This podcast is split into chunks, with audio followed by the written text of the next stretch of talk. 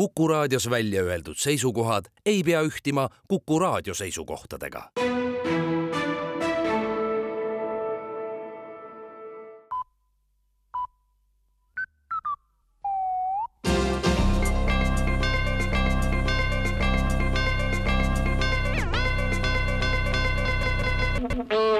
tere uudiste stuudiost, mikrofoni juures Rohke Debelak valitsus annab teada, et ei ole veel loobunud õpetajate streiki ära hoida võivate lahenduste otsimiseks. üks lahendus sai ka eile õhtuks valmis. Kui riigil ei ole raha, et tõsta vajalikul määral õpetajate palka, siis on riigil siiski võimalus langetada teiste avaliku sektori töötajate palka. kui kõigi teiste palka vähendada neljakümne protsendi võrra, siis paistab õpetajate palk ilma tõstmatagi iseäranis teistest oluliselt suurem valitsus on taotlenud ka riigihaldusalast patenti ja sellise suhtumise patenteerimine võib riigile tulevikus aastas tuua juba miljardeid eurosid.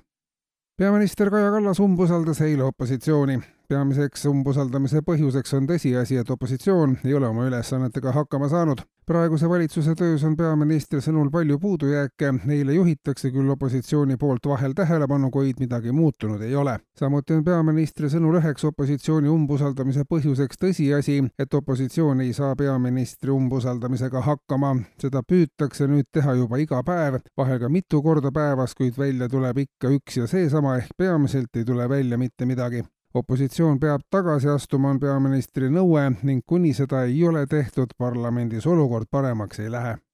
karistusregistri toimimises on alates uuest aastast aga muudatusi. selguse huvides sätestavad peatselt seadused, et kuritegusid, mis pandi toime avalikult, ka uuritakse edaspidi avalikult ja kuriteod, mis on toime pandud salaja, leiavad oma lõpliku lahendi ka suletud kohtuistungil avalikult toime pandud kuriteo tegija on avalikustamisega arvestanud juba teo kordasaatmise hetkest alates. salaja kuritegu sooritanud inimesel aga oli õigustatud ootus, et tema isik jääb avalikkuse eest saladuseks, seega oleks tema isiku avaldamine ja kohtuprotsessi üksikasjade avaldamine avalikkusele juba täiendavaks karistuseks. uuest aastast alates salaja kuriteo toime pannud isik üle mõistetakse niisiis ka salaja kohut ja ka vanglakaristust hakkab ta vajadusel kandma salaja, nii et avalikkus sellest midagi teada ei saa ja vajadusel saab süüdimõistetu ka oma endisel ametipostil edasi töötada, et avalikkusel kahtlust ei tekiks justiitsministeeriumi teadetel töötabki juba praegu avalikus sektoris hulk inimesi, kes on tegelikult kinnipeetavad ja kannavad sel ametipostil lihtsalt vanglakaristust.